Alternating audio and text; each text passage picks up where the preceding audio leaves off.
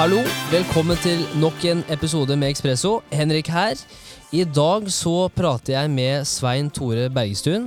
Svein Tore liker sykkel, fjell, kampsport. Han har jobba med journalistikk, kommunikasjon og ledelse i over 25 år, og har et sterkt engasjement for presseetikk, mediekunnskap og krisehåndtering. I dag så er han også gründer i kommunikasjonsselskapet Sandum og Bergestuen. Og i dag så prater vi om hans oppvekst på Jevnaker viktigheten av å ha en bagasje fra bygda. Og kunne bli ja, født og oppvokst på bygda før man kommer inn til storbyen. Hvor viktig det er, og hvor viktig det er i forhold til at forståelsen for andre mennesker og folk som er annerledes enn deg selv, det var veldig viktig for han. Vi snakker også om forbilder han har hatt, og jeg tror en av de viktigste forbildene hans gjennom oppveksten har vært hans far, som hadde to sitater. At uansett hva du gjør, gjør det skikkelig, og at de som som regel eller til vanlig ikke får like mye oppmerksomhet, gi det litt ekstra. Men de som til vanlig får veldig mye oppmerksomhet, gi det litt mindre. Og det tror jeg har passa veldig bra i hans karriere, annet med journalistikk, hvor han har intervjua mange mektige mennesker, at det er viktig å forstå at alle mennesker er bare mennesker. Vi snakker om interessen da for psykologi og journalistikk da han dro til Bergen for å studere psykologi, før han fikk øynene opp for journalistikk, begynte å jobbe i TV 2, så den litt mannssjåvinistiske kulturen som mediebransjen har brakt med seg. Ja, jeg hinter da selvfølgelig til metoo, men snakker også om viktigheten av å forstå eh, på en måte brikken man selv spiller i samfunnet, eh, men ikke minst hvor viktig det er å stå opp for seg selv og de rundt seg og ikke være redd for å stå imot autoriteter. Og jeg tror kanskje det blir viktigere og viktigere når vi går framover. Vi snakker også om starten på forfatterskapet. Han har jo skrevet en god del bøker, eh, f.eks. Den profesjonelle samtalen, som handler om intervjuteknikk og hvordan få fram de gode svarene. Det er jo selvfølgelig viktig som journalist. Jeg tenker også at det er veldig viktig som bare medmenneske, i forhold til å hvordan stille spørsmål som viser at du lytter, og som viser at du er interessert med den personen eller de menneskene du snakker med. Til slutt så snakker vi om viktigheten av søvn, og hvor viktig det er å sørge for at du får i hvert fall sju til åtte timers søvn, og hvilke råd han ville gitt til de rundt seg, eller til seg selv, f.eks. når han var 25 år. Det er at man kan være ambisiøs, man kan satse, man kan sette seg store mål, men man trenger ikke å gå på bekostning av de menneskene du har rundt deg, eller de nærmeste venner og familie. Du trenger ikke å såre noen fordi at du satser. Dette er Svein Tore Bergstuen på Ekspresso.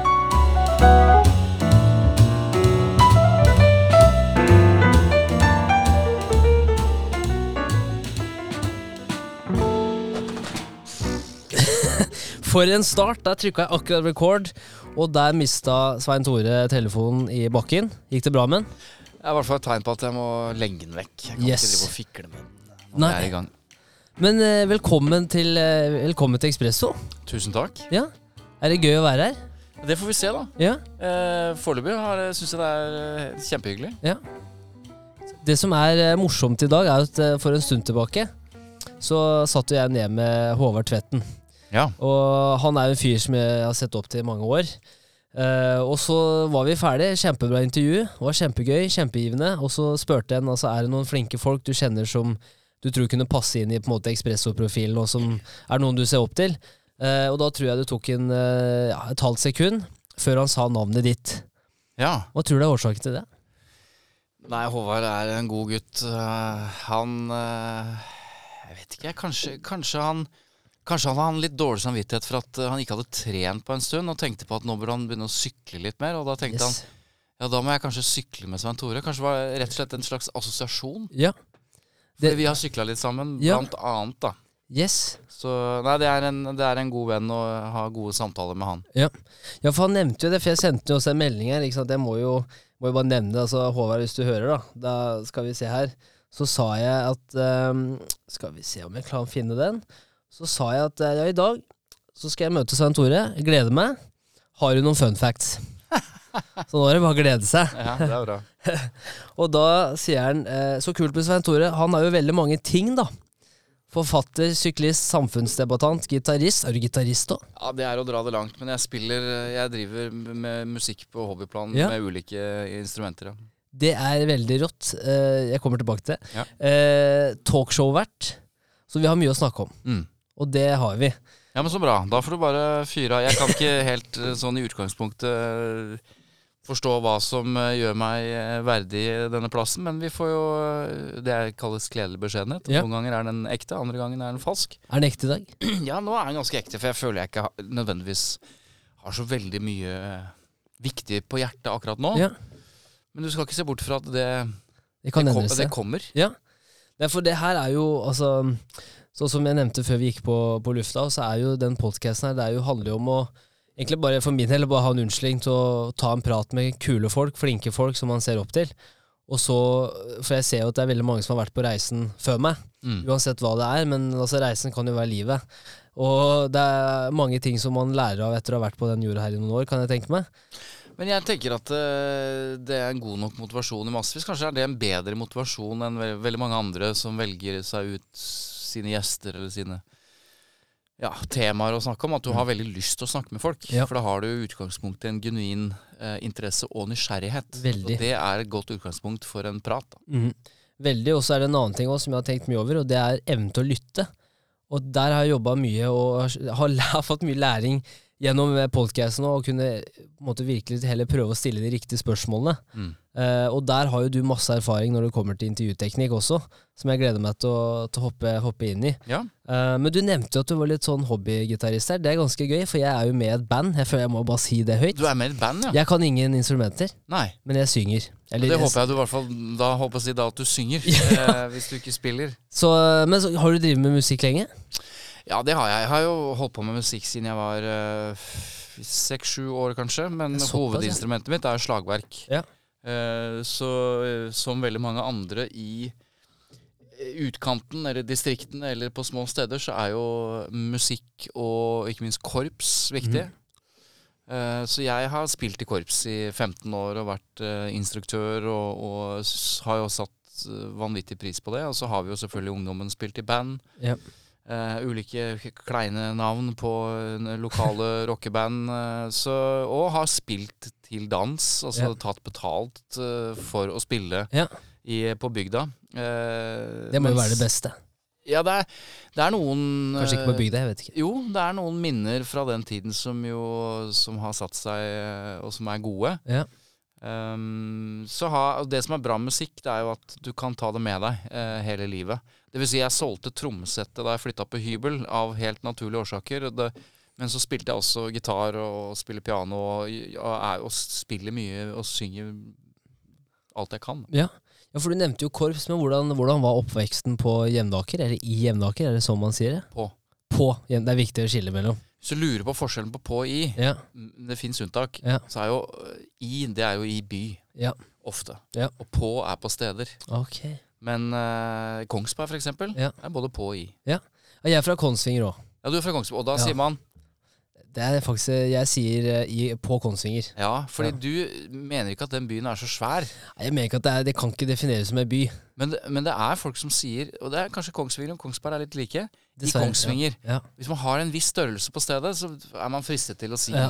Det er mange som er frista også til å, eh, til å sammenligne Altså man, det er samme møkka, sier de. Som det. Ja, ja, du kan jo tenke deg, du er fra Kongsvinger, og så er det Kongsberg, og jeg er fra Jevnaker, og tenk mange ganger jeg har hørt at jeg var fra Jessheim. Ja. Sånn at det der er litt eh, det samme. Ja, men da vet du hva Da, da, da har vi vært gjennom den samme oppveksten. Samme Jeg er kongen slitet. av digresjoner sånn slutt, på slutten Ja. av dagen. Ja. Så øh, tidlig på dagen så lever jeg på en måte å ha en stringent tanke og kommunisere kort og enkelt mm. og i en eller annen form. Slutten av dagen, da er det digresjoner. Du er ikke aleine. Men da er du ikke sikkert vi kommer fram. Det kan Nei. være gøy på veien. Det er akkurat det. Og en annen ting også er det at eh, jeg prøver jo Altså den, den agendaen som jeg sendte, er veldig sånn kjennetegna med sant, oppveksten, interesse gjennom oppveksten. Jeg så det var en viss kronologi Ikke der. sant, Og livet, og så er det liksom erfaringer til de som kommer etter deg. Ikke sant, Hva har du Mm. lært og sånn.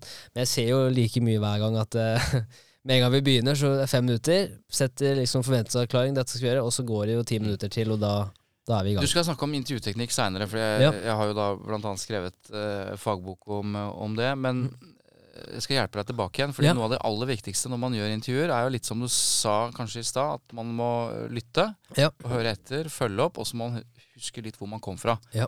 Så husker du nå hva du spurte meg om før vi starta digresjonen? Ja, det var jo korps. Og hvordan det var å vokse opp på uh, Jessheim. Nei, sorry. sorry. På Men- Jevnaker. Men hvordan For du, interessen for altså, korps i 15 år og Men hvordan var liksom hva, hva slags Hvordan var livet som Ja. når du vokste opp?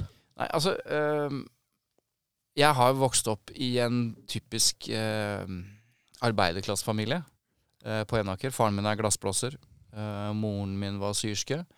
Ganske Altså en bror og en søster. Eh, så jeg vokste opp eh, ja, uten mye penger, men med veldig mange muligheter allikevel. Ja. Eh, og det som jeg tror har prega meg mest fra oppveksten, er at jeg er, jeg er stolt av å Eller stolt blir det rart, for man velger jo ikke sin oppvekst. Men jeg er glad for da, mm. at jeg har vokst opp på et lite sted. Relativt lite sted. 5000 innbyggere. Ja. Ehm, og når jeg er glad for det, så det forstår man ikke hvorfor man skal sette pris på før man flytter til by, eh, og setter pris på det. Men det å ha et bein i liksom begge leire, eh, det, og forståelsen for hvordan småsteder er, og hva som er viktig der, eh, og kanskje ha to bein, også, ett bein i hver, på et, altså i hver klasse også, altså sosiale klasse. Ja. Noen ganger henger det sammen. Det tror jeg er viktig. Det har i hvert fall gitt meg en, eh, et, eh, et stødig, en stødig stilling, da. Mm. Eh, fordi eh, Altså ikke stilling, men altså fundament. Ja. Fordi eh, det er lettere å forstå byen når du kommer fra landet. Mm. Og lettere å forstå landet når du kommer fra byen, hvis du veksler. Ja. Um, for jeg møter folk uh, fortsatt som jeg vokste opp med, som ikke skjønner noen ting. Altså ikke, ikke fordi de ikke er smarte, men de har ingen forståelse. Nei. De viser en eller annen, i hvert fall et, eh, en mangel på, på forståelse for hvordan folk i det hele tatt gidder, Ja. orker, å bo i blokk, Ja. som de kaller det. Mm. Eller bygård, da, Ja. vi sier av og til. Yes. Og omvendt. Jeg møter folk uh, i by som aldri egentlig har vært på små steder annet enn kjørt forbi, eller egentlig ikke har vært på østkanten i Oslo heller. Så. Og det tror jeg er Jeg tror det er eh, Jeg, tror det er sunnere å ha erfaring fra, fra både ulike klasser og ulike geografiske steder. Ja. Ja, jeg er helt enig. Jeg kjenner meg, kjenner meg definitivt igjen. Eh, også at jeg, altså selv om eh, Hvis man på en måte ser tilbake på det nå, og sånn, så tenker man altså Kongsvinger for eksempel, er et veldig lite sted. Men jeg er også veldig glad for at jeg har vokst opp der, fordi at det er bare noe med den? Vi hadde naturen rett foran oss. Vi kunne liksom gå ut og leke, og vi kunne være borte i flere timer. Kunne gå ut i skogen og liksom så det, var hele, det var liksom hele lekegrinden din var Mm. rett utafor døra. Mens når vi kommer til Oslo, så er jeg veldig glad for at jeg som du sier da, også har den, den tryggheten Mm. av å, å komme fra bygd. Men hva tror du er liksom Hva tror du er hovedårsaken til at det er så Altså at det er en lur eh, Hva skal man si, lur bagasje å ha med seg? Jeg, jeg vet ikke helt. Altså, jeg kan jo bare snakke for meg sjøl. og for meg så, eh, så gjør det at jeg, at jeg har en eller annen form for respekt. eh, eller forståelse og respekt for at ting ikke er likt, da. Eh, men, men som faren min også lærte meg, at du, du skal ha Han sa at eh, Han sa to ting som er viktige. Han sa det spiller ingen rolle hva du gjør for noe i livet, bare du gjør det skikkelig. Og hvis du gjør det, så, så kan, du være, kan du være, være hva som helst. Og det kommer jo fra en håndverker. Ja. Eh, og så sa han en annen ting, at du skal, du skal gi folk som vanligvis ikke får noe særlig respekt, litt mer. Og så skal du gi de som vanligvis får altfor mye, litt mindre. Ja. Klart, Den læresetningen har jo i mitt virke som journalist gjennom 15 år vært helt avgjørende. Ja. At du skal ikke la deg dupere av autoriteter eller blasere av penger og makt og rikdom. Eller du, du skal Altså, folk er folk. Ja. Og de som ikke forstår at folk er folk, altså i den forstand at vi er alle like Vi har alle de samme behovene. Vi blir alle glade, vi blir alle lei oss. Vi trenger trygghet og støtte og alt det der. Folk er folk, og de som later som de er noe mer enn folk, Ja. de må i hvert fall få nok eh, motstand yep. til at de skjønner det. Og de som ikke føler at de er bra nok, ikke er, bra, ikke er nok folk, liksom, ja. de må få fortalt eller få vist at de er de. Ja. Så det, det er eh, Med den liksom grunnsetningen hjemmefra, så tenker jeg at eh, det har i hvert fall vært viktig for meg, da. Og, og jeg tror, innbiller meg, uten å ta uh, ta noe ære vekk fra de som er vokst opp bare ett sted, enten det er by og land, er at det er i hvert fall større muligheter for å forstå eh, andres situasjon. Ja. Hvis man har um, ulik, uh, ulik referanse og ulik erfaring. Ja, for det der er noe som Altså, man hører veldig ofte det der med um, f.eks. det å kunne forstå at folk er folk. Altså Man ser jo det bare i mediene, så tenker man at de lever et helt annet liv enn oss, eller de er på en Mm. helt annen galakse enn oss. Eh, og jeg nevnte jo også før vi gikk på her, altså alle gjestene som vi har vært så heldige for å ha med på podkasten, at kan hende vi bare har vært veldig heldige med de vi har hatt med, men det er liksom drittsekkene og sånn er, er unntakene, da, for å si det sånn. Mm. Eh, Hvem er det igjen? Eh, det skal jeg, ikke, skal jeg ikke nevne nå. Men, altså, men bare det at du, ikke sant, som du nevnte, at hvis du, hvis du aldri spør, så får du aldri vite. Det verste du kan få, er et nei. Mm. Um, og jeg tror det er veldig mange som også tenker at det som er på andre sida av å tørre å ta litt sjanser, at det er ikke for de, da. Mm. At de er redde for nettopp det. Um, men så er det en annen ting som er interessant, og er jo det med autoriteter og de som har makt og innflytelse. Og det gleder jeg meg veldig til å høre litt om måtte den erfaringa som journalist også. Altså, liksom hvordan For det kan jo være fort gjort å glemme òg. Mm. Eh, hvis man ikke er bevisst på det her når man er journalist, for at man tenker bare at ok, de har fått til alle de tingene, eller de, er, de har A, B og C bak seg. Mm. Hvordan, hvordan har det vært for deg? Altså, det var jo utgangspunktet Jeg hadde ikke tenkt å bli journalist. Uh, altså, etter å ha vært uh, på Jevnaker uh, hele oppveksten og gått ungdomsskole og videregående, og, så ville jeg jo ønsket jeg meg raskt vekk. Altså, jeg flytta jo så fort jeg kunne. Ikke fordi jeg ikke likte meg på Jevnaker, men jeg fant ingen Jeg fant ikke noe miljø som jeg følte meg hjemme i. Kjente at det her kan jeg liksom utvikle meg. Jeg hadde ikke tenkt å bli håndverker, sånn som faren min. Eh, så jeg er jo den første i min familie, slekt så vidt jeg vet, Ja. som valgte å reise for å studere. Så, så jeg flytta til Bergen. Og da eh, begynte jeg å studere psykologi.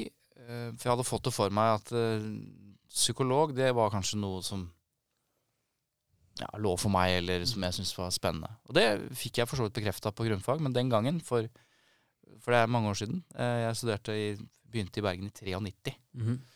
Du holder deg bra. Jeg sier til og med 93, også, så da føler man seg ekstra gammel. Men i 1993 så begynte jeg på psykologi. Men etter grunnfag så må du, måtte du da vente i to og et halvt år. Det var kø for å komme på embetsstudiet. Ja. Da måtte du bare henge rundt, da. Mhm. Eller studere noe annet, eller finne på noe. Du måtte vente. Uansett hvor gode karakterer du hadde, Ja. måtte du vente. Wow. Og den ventetiden eh, gjorde jo at jeg studerte andre ting, og sosiologi, og begynte å jobbe i studentradioen i Bergen. Og det er på en måte første eh, liksom første avgjørende valg i mitt liv, eller vise seg å være avgjørende. Fordi da jeg begynte på studentradioen som, og jobbet med journalistikk og nyheter, så det der å vite at nå kan jeg ringe til departementet, til Kunnskapsdepartementet, og så kan jeg legge inn en intervjuforespørsel på, på Gudmund Hernes, Ja. som var da eller, eller utdanningsminister. da. Mm. Og bare kjenne på det at i min rolle som journalist, det jeg har fått uh, muligheten til da, enten det er Studentradioen eller seinere TV 2 eller hva det er, at det er min rolle, det er min oppgave å stille spørsmål, kritiske spørsmål og andre typer spørsmål, til de som har makt, da. Ja. Og jeg skal ikke si at det ga meg en annen slags uh, Så det er jo fint å kjenne på at man selv har en eller annen form for eh, innflytelse, da, eller Mm. påvirkning. Uh, men men jeg, jo, jeg likte det veldig godt. Ja. Så da tenkte jeg nei, kanskje det er dette jeg skal prøve på. Mhm. uh, og så, etter en stund, så ringte jeg til TV 2, som jo da hadde hoved, eller har hovedkvarter i Bergen, og spurte om å, å få jobbe der. Ja. Men det, altså, psykologi og journalistikk henger jo litt sammen nå, for det er jo, handler jo om å forstå mennesker veldig ofte. altså Særlig den intervjuteknikken og det handler jo om å forstå mennesker og kunne måte, For jeg kan jo tenke meg når du intervjuer veldig mange mektige folk, så handler det også litt om hvordan kan jeg få fram budskapet mitt på kortest mulig tid, Mm. og virkelig være veldig tankeklar med det, med det jeg sier, da. Ja, altså dette Jeg, jeg har jo aldri brukt psykologien uh, så mye som jeg har gjort de siste tre-fire årene. Altså når jeg sier bruke psykologi, det, det som inspirerte meg den gangen ved å lese faglitteratur og lese om, om alt fra hukommelse til hvordan liksom, hjernen fungerer, hvordan mennesker eh, opptrer i grupper, hvordan du reagerer på, på empati eller eh, hva det måtte være. Altså alle de der psykologiske mekanismene som spiller inn i kommunikasjonen mellom mennesker, har jeg tenkt på mye de siste tre årene, nettopp fordi det prosjektet som resulterte i, i denne fagboka som vi, som vi utga nå på Universitetsforlaget, som handler nettopp om dem, det vi kaller den profesjonelle samtalen, altså selve intervjuet, så er jo nettopp eh, forskningen som ligger til grunn for den metodikken vi skriver om, der er det veldig mye som baserer seg på, på kognitiv psykologi, eh, forskning på kommunikasjon mellom mennesker, vitnepsykologi osv. Så, videre. Ja. så dette er- det er helt klart, det er helt riktig at det å det å, å stille gode spørsmål handler ikke bare om hvordan du formulerer deg, men det handler om hvordan du møter mennesker. Mhm.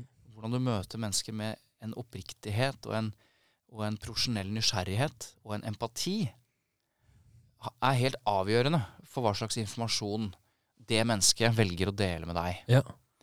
Så dette er kjempeviktig. Eh, og, har vært, og, og det var noe av det jeg syns har vært mest gøy ved å være journalist også. Det er å, å se på eh, altså hva slags type metodikk er det som fungerer. Hva er det som gir gode svar? Hvilke spørsmål, hvilke, hvilke måte å agere på, hvilken måte å kommunisere med mennesker på, at du, gjør at du får mest og best informasjon. Ja. Det har vært spennende, og det har jeg endelig fått lov til å da uh, dykke ned i de siste årene, da. Og så, vi kommer tilbake til, men hvilke, hvilke antakelser hadde du da når du begynte i, begynte i TV 2 om hva journalistikk, hvor journalistikkyrket skulle være? Hva hadde du sett for deg på en måte litt sånn kommer der, har, har begynt på psykologistudiet, på en måte, hva, hva slags tanker hadde du gjort deg opp for hva den karrieren innenfor journalistikk skulle være? da? Det klarer jeg ikke helt å erindre, eh, annet enn at da jeg endelig fikk jobb i TV 2 Jeg ringte nemlig redaksjonssjefen i TV 2. Eh, var det hver dag klokka tolv, eller var det hver Du bare ringte, bare rett og slett, du solgte deg inn selv? Ja, jeg ringte og sa at jeg ville jobbe der, og så sa Ja. han at nei, ja, det er hyggelig, men jeg har ikke noe, jeg har, jeg har ikke noe jobb. Jeg Nei. aner jo ikke hvem du er heller. Og så ringte jeg Jeg ringte i hvert fall på et fast tidspunkt. Ja. Så til slutt så tror jeg jeg hadde ringt han 20 ganger. Ja. Eh, og jeg gjorde ikke på en sånn, tror jeg åpenbart ikke en sånn klagete eller, eller masete måte, men jeg bare slo av en prat. Og til slutt så sa han, etter at jeg snakket med han da eh, x antall ganger, så ga han på en måte litt opp, og så sa han greit, da får du komme ned. På nøstet. Eh, og da hadde han jo visst at han da hadde åpnet seg en sånn eh, redaksjonsassistentjobb, eller tipsvakt. Altså jeg var, Første jobben jeg hadde, var at jeg tok imot tips fra hele Norge. Fra ja, kriker og krukker og raringer og, og oppriktige folk som ville gi tips, nyhetstips. Som de fikk penger for hvis vi brukte de tipsene. Så jeg var tipsvakt i noen måneder før jeg da eh, fikk muligheten til å gå inn i et trainee-program som, som reporter, eller som videojournalist, da egentlig. Og da skjønte jeg Eller det jeg fikk før føler jeg da, var at jeg fikk bekreftet litt den antakelsen jeg hadde om i hvert fall TV-journalistikk, da. Med kjendiser og folk som var høye på seg sjøl, men, men i og for seg ganske hyggelig. Men eh, altså hva det innebar å ha en sånn type ganske mektig posisjon, i den forstand at du, nettopp som jeg sa i stad, at du kan stille spørsmål og kreve svar. Men det var ganske, ganske i tråd med myten om uh, fjernsynsjournalisten, syns jeg. Fikk, jeg fikk bekrefta veldig mange av de tingene som jeg trodde det var. da. Ja. Og jeg vet ikke hva slags referanser jeg hadde. da. Kanskje jeg hadde sett på TV-serie eller film eller hørt om det. eller... Men det var ganske mm, Ja, det har foran, for å si sånn Den kulturen jeg gikk inn i i 1995, jeg begynte i TV 2, den er veldig annerledes enn den kulturen uh, som eksisterer i TV 2 i dag. Ja. Eksempel. Eller egentlig alle mediebedrifter i dag. Ja. ja, Hva tenker du på da? Det der er et av de beste spørsmålene du kan stille. ikke sant? Ja. Det jeg gjør når jeg sier at det var en helt annen kultur i TV 2 den gangen Når du ber meg om å utdype det, Ja. så får du jo veldig mye mer enn det jeg hadde tenkt å si. Ja. Uh, og jeg kommer til å svare på dette, for det Ja. var jeg som sa at det var en annen kultur. Ja, nå hadde jeg, tenkte nå skal, jeg gå, nå skal vi gå tilbake igjen, Ja. men nå ble jeg så interessert. Så nå, nå det er veldig nesten- viktig, fordi. Så lenge jeg selv åpner den døra Ja. nå, Kjære lytter, nå snakker vi om det som heter metakommunikasjon. Altså vi snakker om kommunikasjonen. Men når jeg åpner den døra og sier at det var en helt annen kultur Det er ikke sikkert jeg i utgangspunktet er interessert i å utdype det, men det er jo jeg som drar det opp. Ja. Det eneste du trenger å gjøre, er å si hva tenker du på da? Ja. Da kan ikke jeg plutselig si nei, det vil jeg ikke snakke om. Nei. For det virker i hvert fall veldig rart. Ja. Så her kommer svaret. Altså, du vil prate om det? Ja. Det var en kultur som var eh, selvfølgelig preget av den tiden eh, vi var i, men det var også preget av den Jeg tror den litt røffe Røffe, tøffe stilen som mediebransjen kanskje bar mer preg av enn en andre virksomheter. da. Mm. Og det handlet annet om eh, kjønn. Ja. At det var eh, Det var en type måte å agere på eller å snakke på og, det var egentlig, når jeg husker tilbake, ganske sånn grenseløst uh, hva gjelder um, hvordan Hvor sjåvinistisk det egentlig var, da. Ja. Men jeg tenkte ikke så mye over det da, fordi uh, jeg oppfattet jo heller ikke at, at kvinnene eller mine kvinnelige kollegaer reagerte noe særlig på det. Mm.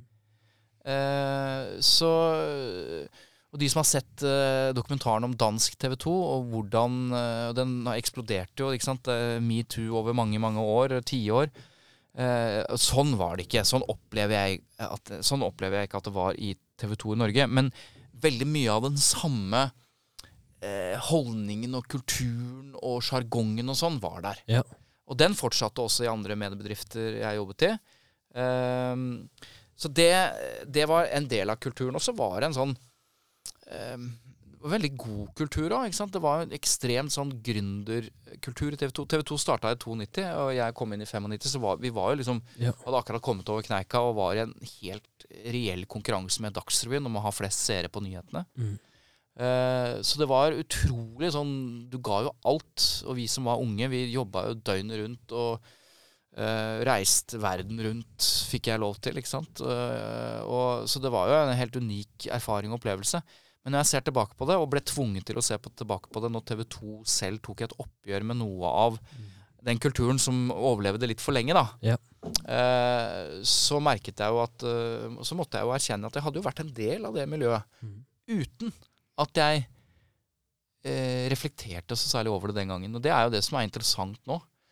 Fordi eh, man kan jo ikke bare se seg tilbake og tenke sånn Hvorfor i all verden sa jeg ikke fra? Hvorfor jeg gjorde jeg ikke noe? Nei, jeg reagerte ikke, liksom. Nei.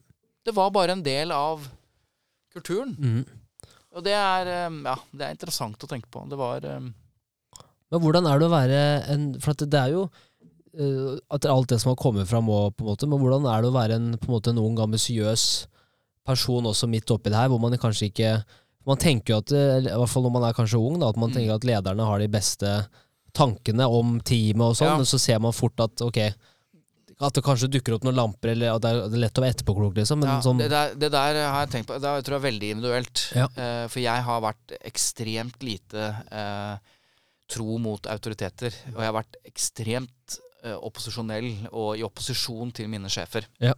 Så hvis de sjefene har gjort noe jeg ikke liker, så har jeg ofret mm. Jeg visste kanskje ikke da, når jeg reagerte så sterkt, at jeg ofret mulig ofret jobben. Ja. Men det har jeg helt, helt opp, opplagt gjort. Mm. Jeg har eh, havnet i voldsom krangel med både kjente og ukjente autoriteter i de virksomhetene jeg har vært i. Mm. Jeg er ikke noe stolt av det. Noe av det er jeg stolt av. Ja. Eh, jeg ble hudflettet av en eh, herværende stor kjendis i TV 2 for noe jeg ikke hadde gjort. Mm. Det er kanskje det grunntrekket i meg som vibrerer mest. Ja. Og det er urettferdighet. Enten det er på meg, mine vegne eller andre. Og da løp jeg etter han og skjelte han ut, og ingen ja. skjønte hva som Der er det liksom en par og 20 år gammel fyr som skjeller ut den største stjerna vi har. Ja. Og han gir seg faen ikke på tørre møkka, liksom. Uh, sånne ting kunne jeg gjøre. Ja. Når jeg følte jeg hadde rett. Og sammen med andre sjefer som jeg mente gjorde feil, så sa jeg fra. Det gjorde jeg i TV 2, det gjorde jeg P4. Uh, så det er mye roligere nå, da. Ja. men, eh, men, eh, Nei, jeg hadde en Jeg, hadde en, jeg var ekstremt uredd eh, da jeg var ung og verdensmester. Trodde jeg visste alt. Ja. Virkelig, altså. Jeg var helt sikker på at jeg hadde rett. Ja. Og noen ganger hadde jeg jo det. For eksempel. Eh, den er blitt gjenfortalt av en tidligere kollega i TV 2. Han morer seg hver gang han kan gjenfordele dette for nye lyttere. Jeg var altså redd, ass, på TV 2-desken. Ja. Jeg lagde ikke engang egne reportasjer. Det var liksom rett etter tipsvakt. Eh, eller var, jeg var vel tipsvakt. Så hadde jeg sånn internt sånn loggsystem, eller sånn kommunikasjonssystem, som het Newstar. Gul, skrift på, gul blinkende skrift på blå skjerm. Det var lenge før vet alt. Og så oppdaget jeg satt og så på, Jeg sitter og ser på nyhetene, jeg jobber med nyhetene. Jeg, hvis jeg var heldig, så hadde jeg kanskje kunnet skrive en sånn nyhetsnotis som gikk videre til programleder. Mhm. I hvert fall så var det noen, en journalist som hadde da i sin reportasje eh, sagt at bilen kom over i feil kjørebane. Eh, og dette irriterte meg. Det heter altså at bilen kommer ikke over i feil kjørebane. Mm. Kjørebane er jo hele veien. Ja. Du kommer over i feil kjørefelt. Ja. Og når du jobber som journalist og jobber med språk, så må du vite dette her. Ja. Så da satte jeg meg ned ved tastaturet og hamret løs en ganske sånn kritisk eh, slags en internmelding. ja, evaluering, da. Ja. Uten at noen hadde Bedt bedt, om meg om å evaluere. Så skriver jeg, og dette er grunnen til at jeg husker det, er at han, kollegaen min har gjenfortalt dette så mange ganger, for han husker ordlyden. Det er nok en gang oppdaget uh, feil eh, eh, Oppdaget feil bruk av de elementære begrepene kjørefelt og kjørebane. Ja. Sånn begynte den. Ja, dæven. Og det var sånn Ja, jeg hadde jo rett. Ja. Men hva i all verden er det han tror liksom han holder på med? Ja. Eh, så det var, det var nok litt eh, Og sånn, sånn ble jeg jo lagt merke til på godt og vondt, da. Ja. Og det kunne ha gått liksom Jeg kunne ha fått en, et spark i ræva på vei ut, og, og så hadde den Kanskje både den jobben og karrieren fått en annen vending. Ja.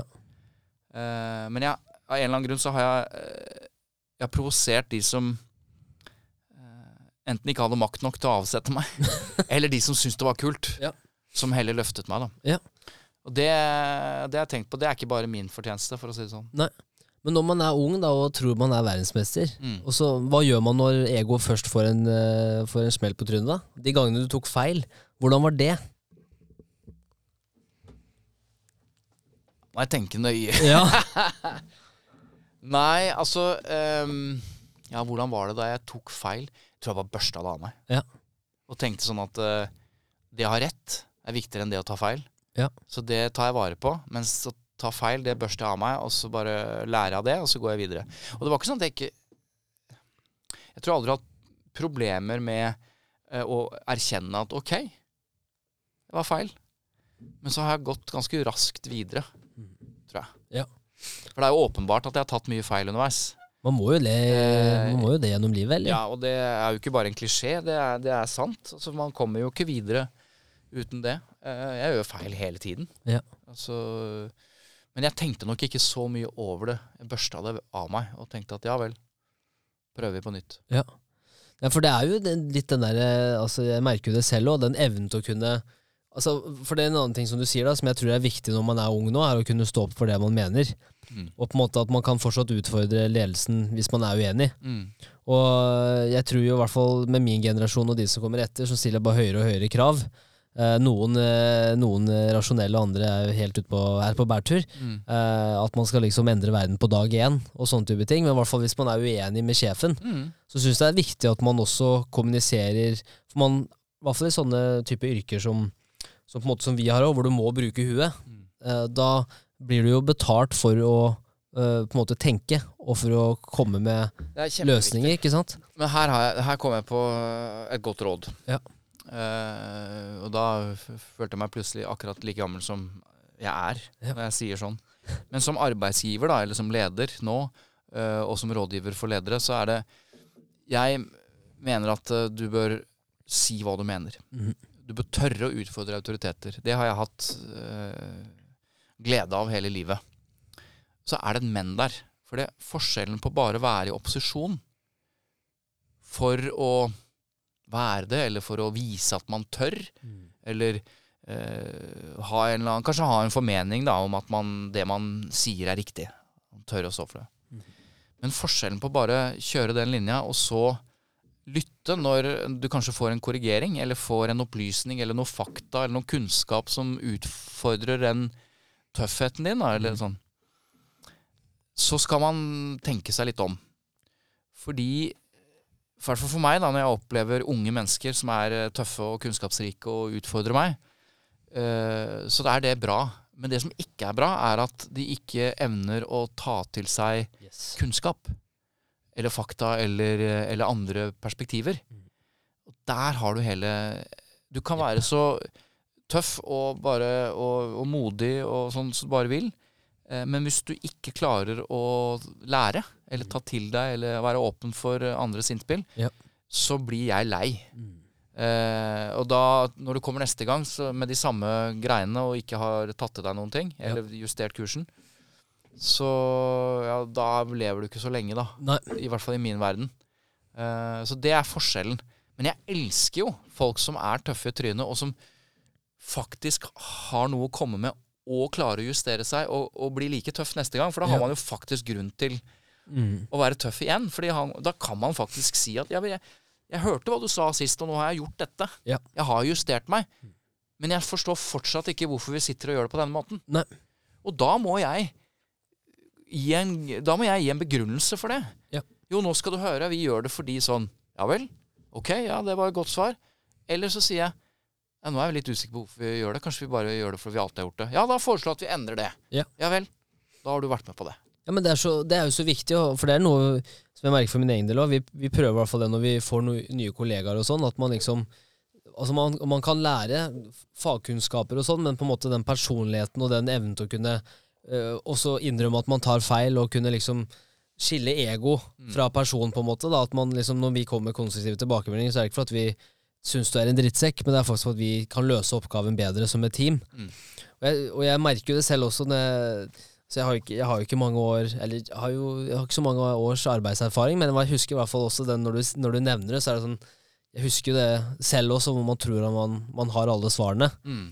Eh, at man liksom med en gang noen kommer med tilbakemelding, så er det sånn Ok, det er litt sånn frekt mot min personlighet. Og så nei, nei, det er liksom Man må skille seg der, da. Ja, og, det, og, det, og, og man skal ta vare på den eh, de verdensmesterne som unge som tror de har alle svarene.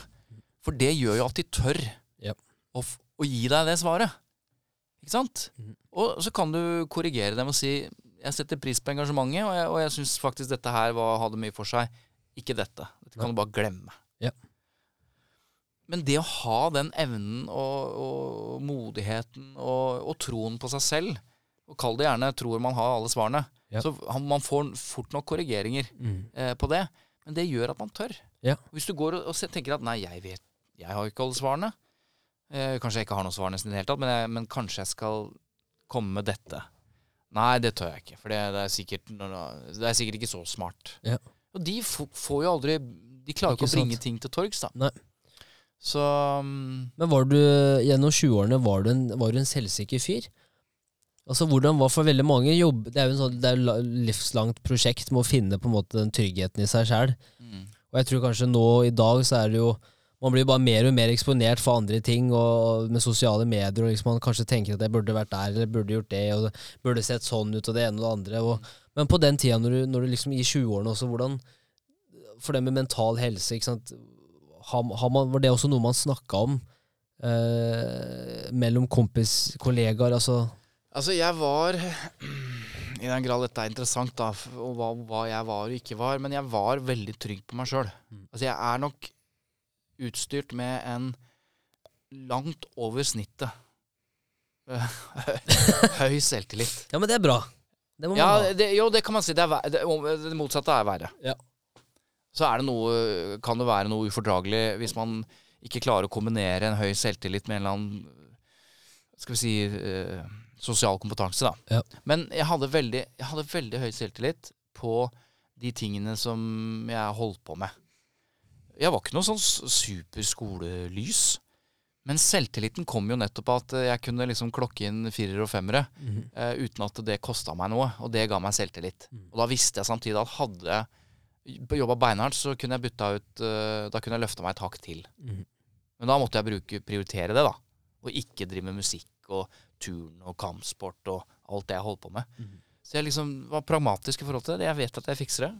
Eh, Jeg har alltid vært god i, i idrett, liksom. Mm. Uh, uten at jeg tok det til noen toppidrettsplan. Liksom. Men jeg, så all, all denne altså, Selvtillit jo, er jo selvforsterkende når, når du opplever mestring. Føler du er god i noe, så, så, så er det selvforsterkende. Ja. Sant? Men det er eh, i denne Nå høres det ut som en eh, jeg var god i det og selvtillit. Og det som var eh, vanskelig og vondt, eh, som jeg husker, eh, det var at jeg, jeg var helt annerledes enn alle de andre. Ja. Fordi jeg vokste ikke. Altså, jeg kom jo faen ikke i puberteten. Mm. Eh, så jeg var liten.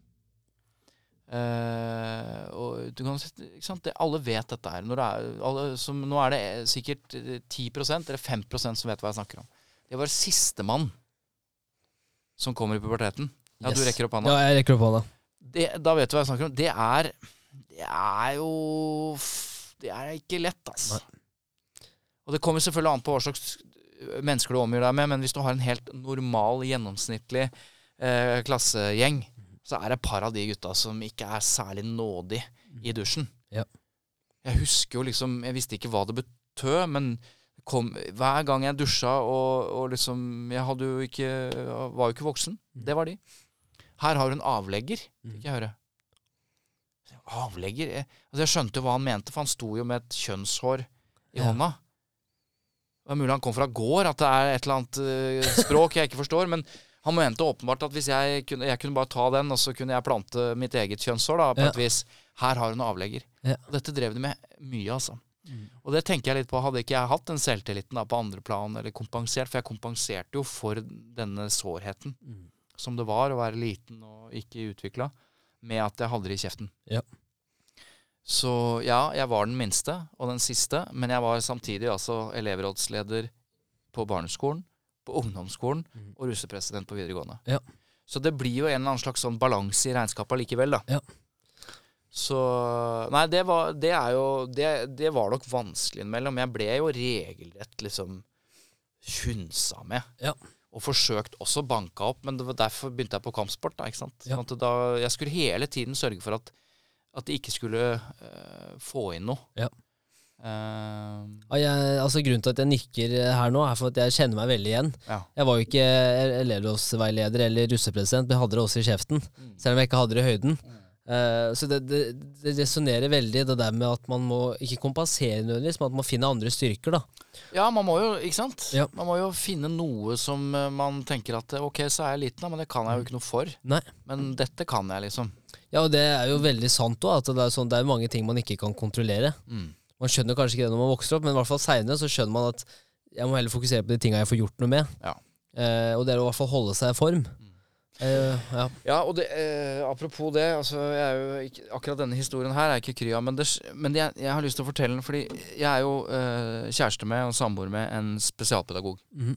eh, som jo har studert forskning og fag på hvordan man skal eh, ja, eh, best støtte barn da, eh, i, i læring og oppvekst. Sant? Ulike former. Og så er det noen sånne regler som gjelder eh, i vårt samfunn.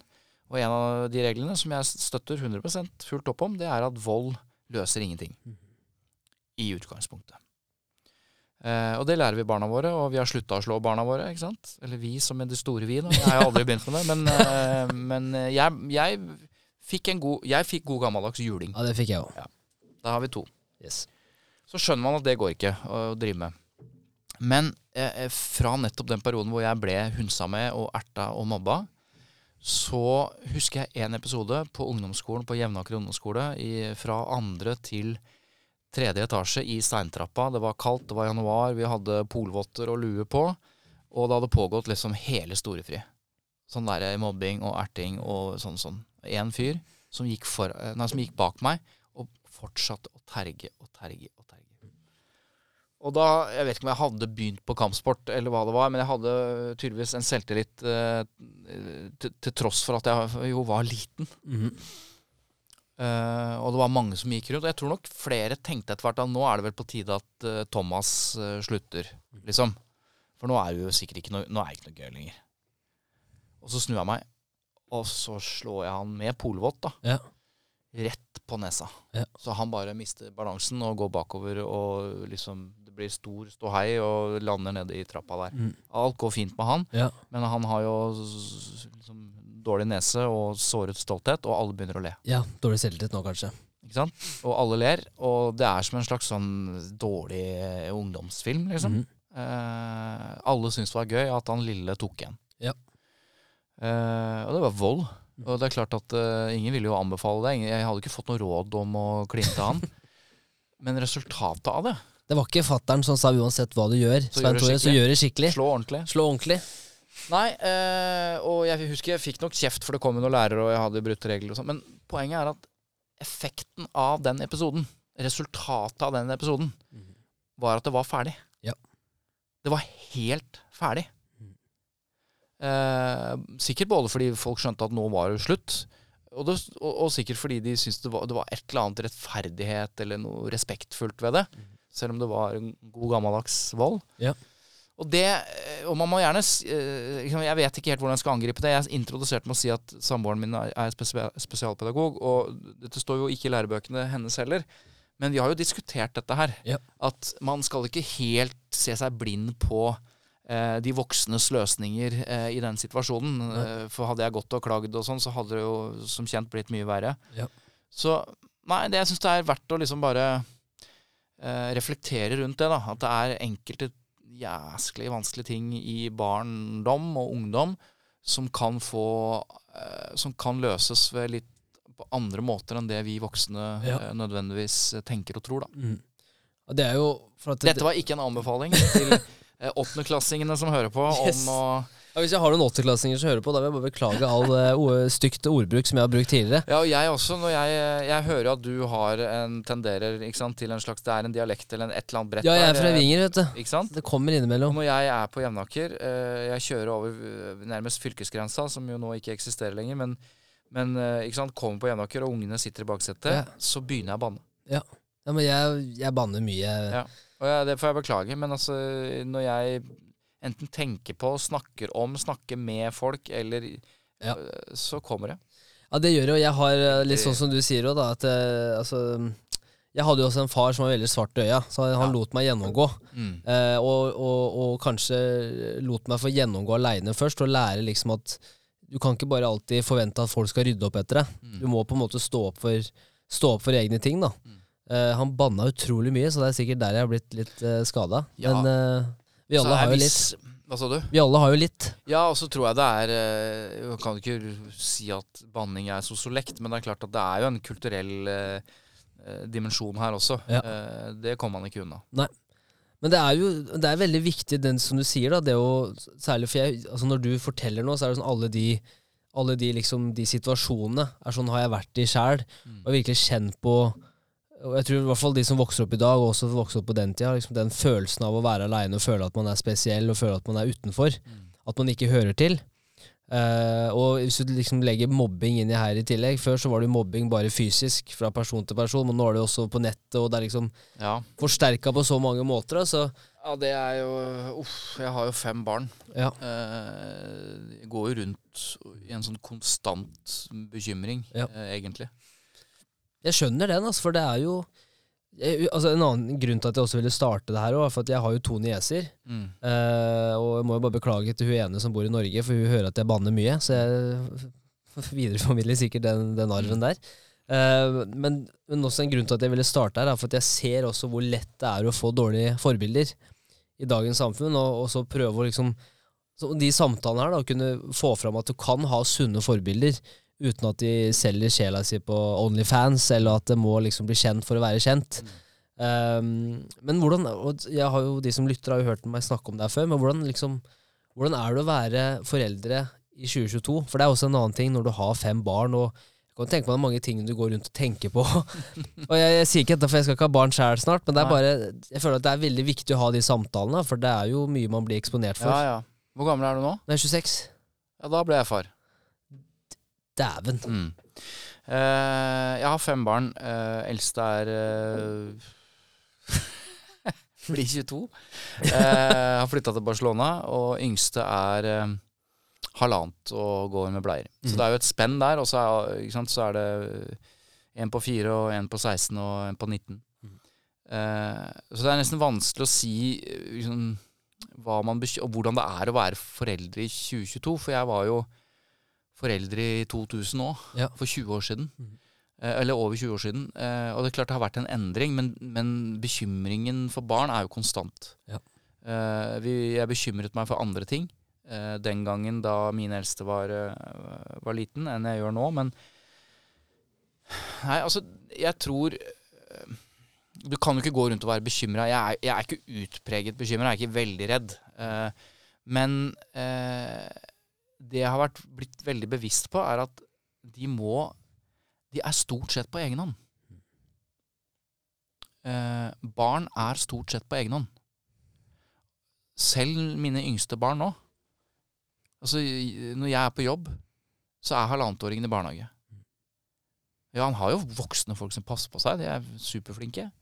Men selv han, på halvannet, Ja. han er stort sett på egen hånd. Mhm. Han er Han går fra fra barn til barn og leker med noen, og så er det noen som slår han i hodet med en spade, og så begynner han å grine, og så må han gå et annet sted. Mhm. Finne ut av ting. Ja. Eh, Søke trøst, søke trygghet, søke kunnskap. Altså fra de går i barnehagen. Og jeg sier dette med en litt sånn eh, Hva skal jeg si en, Det er jo litt dystert, men alle er på egen hånd med sine egne greier. Mhm. Datteren min på 22 som sitter i Barcelona nå, hun har allerede fått gode venner. Sånn sånn, men når hun sitter på T-banen nede i Barcelona og Ja. bekymrer seg eller har sine tanker, så er hun på egen hånd. Mhm. Sånn er det med Og jeg tror vi glemmer litt det når det gjelder barn. At fordi de har voksne i livet sitt, og de er foreldre, og de har elever og øh, eller venner og, og? Det er, det er Vi sier jo av og til at vi er overbeskyttende i vårt samfunn. Mhm. Vi skal polstre det inn, og det kan jeg snakke om litt etterpå. For det, men, men vi glemmer at alle mennesker og alle barn er på egen hånd. Ja. Uh, og det har jeg tenkt mye på som etter hvert fembarnsfar. da. Ja. Å- å- å forstå det. Og dermed gi de Og her kom poenget, det tok lang tid. Og dermed gi de så gode forutsetninger og bagasje som mulig for å takle den Yes. alenegangen. Mhm. Sånn at de blir trygge nok til å gå fra å være aleine til å gå og si hei. Ja. Fra å være aleine til å gå og si 'det der kan du ikke gjøre'. Eller fra å være aleine til å gå og si til en 'skal jeg hjelpe deg'. Ja. Sånn at det, det har jeg tenkt at liksom vært min, min, min viktigste greie som forelder, er jo å istandsette, for å bruke et litt sånt bedriftsspråk, Ja. eh, barna mine, sånn at de takler å være aleine. Ja, men det er for det, Bare for å følge opp der, for jeg har, sånn som før vi skulle legge oss i går, så stilte jeg bare sånn spørsmål til, til dama. Bare sånn, bare Det falt inn i huet mitt. Bare sånn veldig fra, og det er akkurat det du sier der. Sånn, det er ganske fascinerende at, på en måte, at ikke flere blir gærne. Mm. Altså Hvis du tenker den hjernen som vi har, at ikke flere liksom, For det er jo ikke bare bare å skulle navigere livet. Så mange ting som du skal være. Du skal være en far, en bror, en søster. Du skal være, sikkert være en leder, en gründer. Det er så mange roller som man spiller i samfunnet, og forventninger som man har til seg sjæl, og andre forventninger, eller forventninger andre har til deg. Og, Mm. og, og jeg tror noe av det viktigste, uansett om man eh, er til barna, eller om det er som en leder, eller om det er som en venn eller familie, liksom, Mm. å forstå at alle har den, den reisen som de er på, alle Ja, ja. sliter med ting. Uh, og at alle er liksom Samme med familier, da. At sånn, uh, for jeg kommer også fra en familie hvor det har vært mye som har skjedd opp gjennom oppveksten og livet. Hvor man da tenker at sant, gresset skal være grønnere på andre sida. Nå skulle jeg hatt en ordentlig Mm. sammensveisa familie ikke sant, som ikke er skilt, og det ene og andre og sånn. Men så finner man jo ut at alle har Alle har jo problemer. Som sagt, folk er folk. Folk er folk. Og det eh, Den derre eh, alenegangen jeg snakker om, den er Du må bare eh, Ja, jeg vil gjøre barna mine i stand til å forstå det og takle det, at de er aleine med sine bekymringer. De må gjerne dele, og det er jo fint, å dele bekymringene på flere. Ja. Altså snakke om ting med andre mennesker. Men eh, like fullt, da klarer du bare å dele et par av de tusen bekymringene du har. Så du må først og fremst være i stand til å forstå og takle at du, du er aleine om de aller fleste ting. Og når du aksepterer det, så tror jeg det er lettere faktisk eh, å ta kontakt. For hvis du har en annen oppfatning, da, at du jo har jo mange venner, og du har jo mange kolleger, og du har jo mye familie og sånn, så du er egentlig aldri aleine.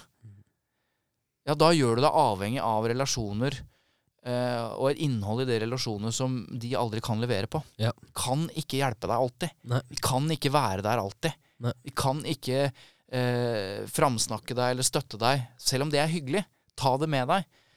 Men du må Det høres veldig brutalt ut. I hvert fall når du insisterer på dette overfor en fireåring. Ja. Men jeg sier det jo ikke på den måten til han, men jeg prøver å Det er viktig, da. Ja, det er, du må kunne klare å stå i ditt eget uh, hode og ditt eget liv, altså. For det, fordi det er det det, er det det er stort sett det vi driver med. Ja. Men hvordan har du jobba med det selv? For du sa jo det selv, at du er jo eh, Og så holdt jeg på å si begavet, men over gjennomsnittet høy selvtillit, som du sa. Eh, men- jeg var utstyrt med Utstyrt. Utstyrt med god over- selvtillit. Ja. Men hvordan, altså, hvordan kan man jobbe med det? For det er jo, jeg tror kanskje det blir viktigere enn noen gang før. At det må kunne, man kunne liksom lukke døra bak seg, være helt Mm. aleine i et rom, og så kunne trives, på en måte også. Hvordan kom man Ja. seg dit? Øh, og jeg vet ikke helt hvordan jeg har øh, kommet dit, eller hva jeg har gjort, eller hva jeg har tenkt. Jeg, det er noen refleksjoner der. Jeg, Jeg er jo glad i å være aleine. Jeg er glad i den der jeg nå nettopp beskrev. Eh, noen ser på meg, og som kjenner meg, vil jo putte meg i en veldig sånn utadvendt, uh, svært sosial uh, bås, liksom. Han er blant de som prater og snakker med alle og har kjempenettverk og sånn. Det jo, har jeg jo. Men jeg kan jo være på hytta aleine i dagevis uten å møte noen, uten å snakke med noen, uten å åpne kjeften sjøl. Eh, og det kan bare fortsette. Ja. Og da sitter jeg og skriver, for eksempel. Da. Eh, sånn at eh, Jeg vet ikke helt hvordan jeg, eh, hvordan jeg har liksom løst det. Men jeg, jeg, altså, apropos Håvard eh, Tveten, da. Når han som toppidrettsutøver, og jeg hørte dere snakket om eh, det å ha mentale bilder eller mentalisering eller liksom, ser ting for seg og gå gjennom dette. Ja. Um, det er noe der. Eh, det har noe med eh, å kunne erkjenne at OK, nå er jeg her. Eh, å stå i det selv. Eh, og så bygge seg en eller annen form for hva skal jeg si, en, eh, en vei eh, videre, ikke sant. mentalt, da. Sånn at man ikke blir så overrasket over neste sving. Det er vel det det handler om, da. Yes. Tror jeg. Ja. Ikke å, å klare å se for seg hvordan dette skal gå videre eller løses eller komme seg videre ut av det, opp av det, mm. så må man, man, må kunne se Man må først kunne se dette for seg yep. i sitt eget hode. Eh, for da får man en grunn til å gjøre det eh, yep. på ekte. Men hvis man ikke ser for seg noen løsning, eller klarer ikke helt å så venter man igjen på andre. Ja. Da venter man på de relasjonene man har gjort seg avhengig av, eller hva det måtte være. Så tenker man at det er vel noen, det kommer vel noen, da. Ja. Og redder meg, eller yes. rundt neste sving, og så det er Veldig godt poeng, for det er jo det å agere på ting og faktisk ta kontroll for det man får gjort noe med. Altså, sånn som du nevnte med visualisere, og hvor viktig det egentlig er. Visualisere var ordet jeg lette ja. etter. Mentalisere er kanskje noe annet. ja, men det, jeg forsto hva du mente. Ja. Og det er jo det viktigste. Og jeg er, helt, jeg er, helt, enig i det, at det er så undervurdert. da. Å, jeg tror også visualisering også kan bygge mye selvtillit. Eller sånn, Man kan gjøre hverandre tryggere da, for at mm. man har på en måte vært i situasjonen før. Mm. Um, så jeg, jeg veit at det kommer til å resonnere med mange. Men samtidig, når jeg hørte uh, Håvard snakke om visualisering første gangen, jeg hadde ikke noe forhold til det, så, så tenkte jeg at nå er jeg, jeg intervjuet han uh, i en eller annen sammenheng. Ja. Så snakket han om det. Og da tenkte jeg sjøl, mens jeg hørte på han, at nå er det nå er mye folk som ikke skjønner hva du snakker om, og som, ikke, og som syns det er litt sånn Hva skal jeg si? Eh, det er prat. Mm eller etterrasjonalisering. Når du står på straffemerket der og du snakker om at du visualiserer og visualiserer Nei, for faen, du gjør ikke det. Ja. Du bare kliner den ballen i mål. Mm. Og så skal du snakke om det etterpå i foredrag, så da har du behov for å liksom teoretisere dette her og si at ja, men yes. trening og Det var en plan. Ja, jeg, jeg, eh, jeg, sier ikke at jeg tenkte sånn. Kanskje mm. tenkte jeg litt sånn. yeah. Før jeg forsto mer av det. Men, men, vi skal være klar over at når vi sitter nå og snakker om disse tingene, så tror jeg en god del eh, er helt på nett, og så tror jeg en god del tenker sånn ja. ja. Vet ikke. Jeg vet ikke helt, det. Nei. Men, øh, men, jeg tror man må prøve å gå inn i det med nysgjerrighet. Da skal man forstå viktigheten av det. Og, og det er klart, når toppidrettsutøver etter toppidrettsutøver etter liksom, gullvinner snakker om disse tingene, ja. så bør det vel ramle ned en pollett et eller annet sted yes. i andre soder og tenke at ok, det er vel noe i dette her. Ja. Det trenger ikke bare å være med prestasjon, for det er jo det er, veldig ofte så er det jo på en måte utover at jeg visualiserer for å oppnå dette resultatet, eller om det er også i næringslivet å oppnå denne, denne avtalen, eller i, for Håvard sin del, hvor det var mm. å skåre det målet, eller mm. vinne denne kampen. Men man kan jo også kanskje bruke altså det å visualisere, det å se for seg ting, da, til å kanskje også uh, få det bedre med seg sjøl internt. At man kanskje kan se for seg en Jeg vet ikke, jeg har ikke noe forskning bak på det her, men altså, jeg veit i hvert fall at uh, for min del også har vært det å aktivt ta pauser hvor man på en måte bryter ut av hverdagen, hvor man egentlig bare sitter aleine med seg selv. og det kan være så enkelt som å, som, som sikkert for din del òg, trening, at det er din form av meditasjon, da, hvor du får mm. hente energi, og du får vært aleine og bygge deg opp igjen. Uh, for min del er det som den folk kaller det mindfulness, eller hva det er for noe. Ja, det trenger jo ikke være så komplisert. Og, og, og det har jo blitt uh, veldig populært, har jeg skjønt. Ja. Uh, jeg har alltid hatt den interessen for å være til stede i sitt eget stille sinn, da. Mm. og jeg har alltid vært fascinert av, av den delen av østlig Eller ikke østlig, Østens kultur, da, som er blandingen mellom eh, mentasjon og kampsport og, og filosofi og disse tingene. Uh, fordi jeg begynte på kampsport veldig tidlig. uh, altså asiatisk kampsport, altså eh, taekwondo. Mhm. Og da Så den der, Det som i dag kalles mindfulness eller mentasjon, det er ting jeg har alltid satt pris på. Ja. Eh, Ikke alltid benytta meg av eller hatt tid til det og sånn. Men nå går det så himla fort at nå må folk forte seg og få det rolig. Ja. Uh, og det, det, den kontrasten er ganske interessant, altså. Ja. Du ser folk uh, i gatene her haster av gårde, og de har så dårlig tid. For de skal rekke å bli rolig. Ja. Uh, og, og, og, og jeg tror at det, det, det er bra at de gjør det. Ja. Jeg tror absolutt at de skal forte seg og rekke den uh, rolige timen. Ja. Eh, For jeg tror det hjelper. Men jeg tror du også må tenke litt på, ja, på kontrasten, altså. Ja. For, fordi at det er ikke Det er litt sånn som med søvn. Jeg er jo nå Jeg, jeg er altså eksepsjonelt opptatt av søvn. Mhm. Eh, og ja, sier fembarnsfaren. Uh, Ja.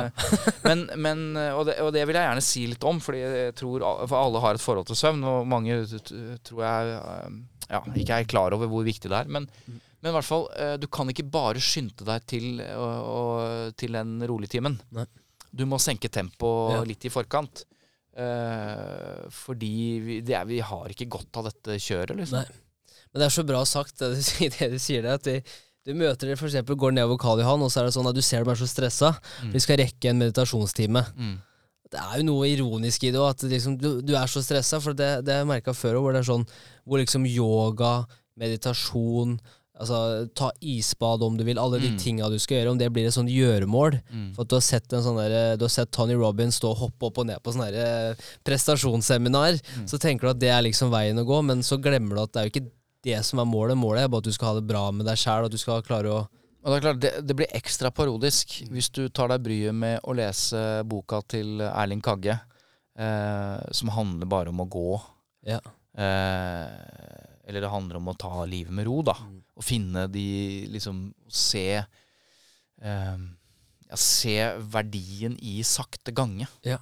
Fordi de som da haster av gårde med den yogamatta på ryggen, eh, og de går på T-banen og de tar trikken og, eller hva de måtte holde på med, så står Erling Kagge rundt et annet hjørne, og så ser han opp på himmelen, og så ser han bortover dit, og så ser han bortover dit, og så begynner han å gå Ja.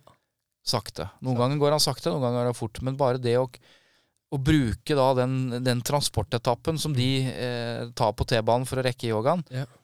han går Yes. Eh, og lar hele kroppen kjenne på den Mm. eh, den langsomme eh, Både langsomme kroppslige aktivitet, men også etter hvert hvordan hodet blir stadig mer rolig. Ja. Eh, altså Han har både skrevet om å gå, og han har skrevet om, om stillhet, og det er kanskje den stillhet-boka jeg tenker på. Men altså det å bare oppleve stillhet i sitt eget eh, liv, da. Ja.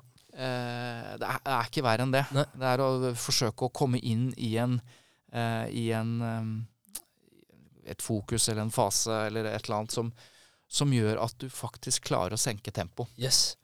i hverdagen. Mm. Ikke bare kvart over to til kvart på tre. Nei. Jeg fikk en åpenbaring for noen eh, uker tilbake, og det var hvor utrolig beroligende det er å ikke høre på noe musikk når man er ute og går, eller høre på Mm. noe podcast. Mm. For det også blir Mm. sånn, nå hører man på podcast fra auto og uansett hvor man Man må jo bruke den tiden. Ikke sant? Må bruke den til noe effektivt nå, ikke sant? så glemmer at ok, nå tar jeg ut de øreproppene. Mm. Og så hvis jeg er ute med bikkja, eller hva enn du vil kalle det, da, Mm. så bare går en tur. Og hvor beroligende det er å bare liksom, titte, litt på, titte litt på himmelen, høre litt på lydene. Det er jo og det er det som er problemet, at veldig mange skal Særlig med meditasjon og med mindfulness, sånn, at de skal være så spirituelt, og det skal være så wow, ikke sant? Mm. det er magisk. Men så er det egentlig bare å fokusere på pusten og være til stede. Ja, det selger jo ikke like bra, selvfølgelig. Altså, vi har eh, fått noen eh, noen noe, eh, duppeditter i vårt liv eh, som, som ganske effektivt ødelegger det meste av den tiden som vi burde brukt til å tenke. Ja. Få nye ideer. tenke på Tantberg, eller Ja. tenke på en kompis du ikke har snakka med på lenge. Men nå er det sånn at eh, du kommer på den kompisen fordi du scroller på Facebook. Ja. Så ser du at han har ikke snakka om på lenge. Og det funker, det òg. Ja.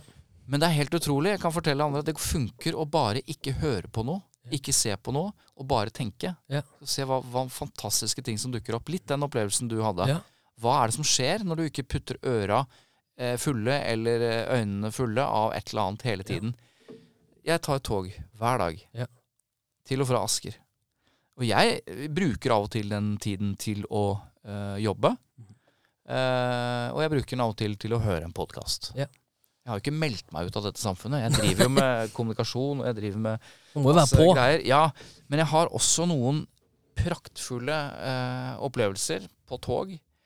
Uh, hvor jeg er den eneste, selvfølgelig. Jeg er den eneste Yes. som ikke stirrer ned i en skjerm. Mm. Absolutt den eneste. Folk ser rart på deg vet du, tenker hvorfor, hvorfor stirrer du på meg? Ja, altså, Hvis du sitter som jeg gjør på toget, uten noen ting å gjøre, uten en avis, men sitter og ser Ja, rundt det, deg folk tror du er gæren. Og i det lille nanosekundet et par av de folka dukker opp fra mobiltelefonen og, Ja. og setter øya i meg, så lurer de på Ja. når er det han skal begynne å skrike, eller når Ja. er det han skal gjøre noe Altså, det This er is my last day. unormalt. Ja. Men utrolig flott, fordi jeg elsker å sitte og se på mennesker. Mhm. Det er ikke så gøy å se på mennesker som ser på skjerm, men bare observere, da. Yep. Eh, og de tankene som du får da, de får du ikke i Nei. workshop, liksom. Du får ikke de mens du leser, eller mens du eh, Hva heter det? S eh, Scroller, Scroller. swiper og alt mulig. gjør ikke det? Nei, jeg er helt enig. Og ehm, som du også nevnte her, da, som var morsomt, at sånn, hvor ofte tror du folk faktisk sitter ned i dag og, og bare tenker? Altså hvor de ikke har For jeg er sånn, Hvis jeg ikke er bevisst på det her i løpet av en dag, så, så er det sånn en sekund sjekker jeg telefon, og så jobber jeg jo på PC-en hele dagen. Mm. Og så har jeg en podkast som jeg skal redigere etterpå. Mm. Så det er, liksom, det er så lett å ha PC-en sånn foran seg. Så det er også derfor det er så, synes jeg er så digg å ha de samtalene. For det er, en, det er på en måte en time helt uten forstyrrelser, Mm. og så bare kunne ha en samtale. Men, men vi har altså ikke bare dette er, det, dette er det mest alvorlige. Barn Nå, nå alle Nå, nå kommer alle over en kam her. Ja. Barn har mistet evnen til å kjede seg. Mm. Dette er ikke noe genialt uh, sitat, du må gjerne sitere meg på det, men barn har mistet evnen til å kjede seg. Um, det skal skje noe hele tiden. Enten du er 16 eller du er 4. Uh, litt lettere Altså, du mister den rundt vet ikke, jeg. Du mister den idet du får den første mobiltelefonen, da. Eller Ja. rundt der. Og det er jo nå dessverre Tidlig. seks-sju år. Ja. For du kan se de minste mine, de har ikke eh, mistet evnen til å kjede seg. De kan sitte og kjede seg, og de kan leke på egen hånd og holde det gående. Men vi mister, voksne har mistet fullstendig evnen. Fordi vi har, eh, for all den tiden vi før kjedet oss på, den kan jo nå fylles hele tiden. Ja. Og det har skjedd et eller annet, tror jeg. Eh, Det skjer en Jeg tror et av, dette er en av de største endringene med mennesket som vi kommer til å sikkert forske på om noen tiår. Det er nettopp det at all den kjedetiden, all den refleksjonstiden, all den muligheten til, eh, til eh, tenkning og refleksjon, har oss de aller fleste bare blitt erstattet. Ja. Og du kan Du må gjerne si Damer kan si at jeg kan gjøre to ting på en gang. og det, altså det er så dumt. Altså vi kan ikke gjøre to ting på en gang. Vi kan rent fysisk, kognitivt gjøre to på Vi kan jo gire og se ut av bilen, det er ikke det jeg mener. Mm. Men vi kan altså ikke eh, få med oss det som er på TV, Nei. og lese det som står i avisen, Klin umulig. på samme tid. Ja, jeg er helt enig. Så um, Nei. Uh, hvor gammel var jeg igjen? 78 uh, 78, Ja. uh, så det er jo en, Men du holder deg bra. Det holder deg ganske bra. Eh, jeg skjønner jo at dette her må ikke Det her kan ikke bli siste gangen jeg inviterer deg hit, for vi kunne jo prata i timevis. Vi har brukt opp tiden, ja. Men jeg syns det er kjempespennende. Og så var det en annen ting jeg ville, ville høre med deg om. om det kunne vært, for det var Forrige episode så prata jeg med Arnulf Refsnes. Han kom tilbake til podcasten. Mm. Og så kom han med en veldig briljant idé, og det var jo Har du noen gang vurdert å kjøre en sånn på en måte en debatt, eller hvor du har flere gjester samtidig, og så snakker man om en problemstilling? Mm. Og du er jo en legende innenfor ordstyring. Så det hadde jo vært fett og hvis du har lyst til å kunne vært med tilbake en gang, hvor vi kan angripe en, en spesifikk problemstilling, og så kunne hatt flere eller folk med forskjellige perspektiver rundt bordet. Mm. For det hadde vært, det hadde vært moro. Ja, absolutt. Jeg elsker jo samtaler, enten de tas opp eller de, de, de er ved et middagsbord Ja. over eh, noen flasker vin. Men eh, nei, det Men jeg kan fikse noen flasker vin. kjempespennende. Jeg må bare, Siden jeg sa det med søvn, Ja. Jeg må bare si det at det har vært en av de største vekkerne for meg i voksen alder. Ja. Det er å lese forskningen. Det, ikke forskningsartikler eller et eller annet i et, sånt, men lese Om søvn. metastudiene. Ja. kunnskapsforskningsoppsummeringen av søvn. Ja. Det, det satt en sånn støkk i meg at jeg ble helt sånn Og Da må vi nesten avslutte med det. Hva, er, hva, er det som, hva var den største åpenbaringen? Sånn selvfølgelig søvn er viktig, men Hvor viktig søvn er for absolutt alt. mm. Altså jeg, når, du, når du skjønner at, at kreftfaren øker uh, har, eh, ved, ved lite søvn, så klarer du ikke å koble det før du får, får det forklart. ikke sant? For du Ja. tenker at søvn det kan gå på Ja, du skjønner kanskje hjerte og kar og stress og sånn. Nei, altså søvnen er noe av den viktigste tiden hvor man bygger opp sitt eget immunforsvar. Spesielt de cellene som hele tiden fendrer all mulig kreftfaenskap, f.eks. Sånn at det, og det er bare ett eksempel, men bare erkjennelsen eller forståelsen av hvor viktig søvn er for din egen, eh, for din egen helse, din Ja. egen, ditt eget hode. Mhm. Eh, og selvfølgelig da all den myteknusingen som foregår i forskningen på Nei, men jeg klarer meg med fire og en halv time søvn. Jeg. ja. Eh, nei, jeg trenger ikke så mye søvn. Jeg. Nei. Det er omtrent som å si at nei, jeg drikker en flaske whisky om kvelden. For meg går det helt fint. ja. Nei, det gjør ikke det. Nei. Og det samme med søvn. Ja. Du må ha nok søvn. Ja, det, er, det, det, si sånn, det tror jeg veldig på. For jeg merker de dagene vi har fått lite søvn, da funker det ikke like Og hvis du gjør det over en lengre periode også Det har jo vært flere som har snakka om det her, som altså Thomas Lund Nilsen også, som snakka om utbrenthet og sånn, og han sa jo det, ikke sant, at hvor han var på liksom fire-fem timer i døgnet over en lengre periode. Og så blir man så, ikke immun, da, men man blir så vant til den typa at man, man tenker ikke over hvor mye bedre det kunne ha vært, helt til man treffer veggen, på en måte. Ja, og, og du bare tenk deg Tenk hvor mange som dør i trafikken pga. alkohol og rus og blandingsrus. Eh, glem det. Ja. Altså tallet på omkomne i trafikken som skyldes mangel på søvn i en eller annen form, det er helt Ja. vilt. Ja, hvor mange timer søvn er det du Sju og en halv til åtte Sju og en timer. Det det, der må man ligge, liksom. Ja. Og så vil jo dette, Det er suksessivt. Altså det, gå, det er bedre med 7 enn 6, og det er Ja. bedre med 6 enn 5, Men i det øyeblikket du kommer ned på typ fem, fire og en halv til fem, eh, og kanskje også alt under 6, mm. så går det utover eh, alt som har med helse å gjøre, i alle, alle retninger. Noe går fort, noe går sakte. Ja. Men det går jo også ekstremt utover din kognitive kapasitet og muligheten til å, å, å løse alle oppgaver i livet, da. Ja. Så nei, det der er Det der var en øh, Og jeg, nå gir jeg selvfølgelig med vilje mange dårlig samvittighet eller en, en eller annen ny bekymring. Ja. Men øh, de aller fleste er viktig, bekymringene i livet kan løses med det mer søvn.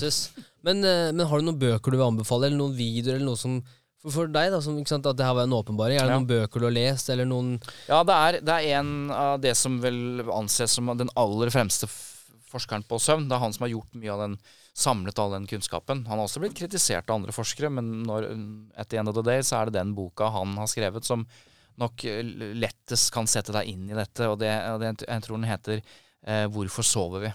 Og Den er oversatt til norsk, så den er mulig å, å lese. Og Det som er fantastisk, er at når du skal lese den boka, så må du gjerne lese den på senga. Ja. Fordi eh, da blir du søvnig. eh, men du kommer igjennom på et eller annet vis. Men, men det er bra å legge deg med en bok istedenfor å legge deg med telefon. er jo en veldig, veldig viktig ting. Ja. For skjermen, den LCD-skjermen, Den det er dagslys. Det er Og det gjør um, alt med hjernen din som Mm. sier at nå må du være våken i i hvert fall 20 minutter til, og en time til, og halvannen time til. Mm.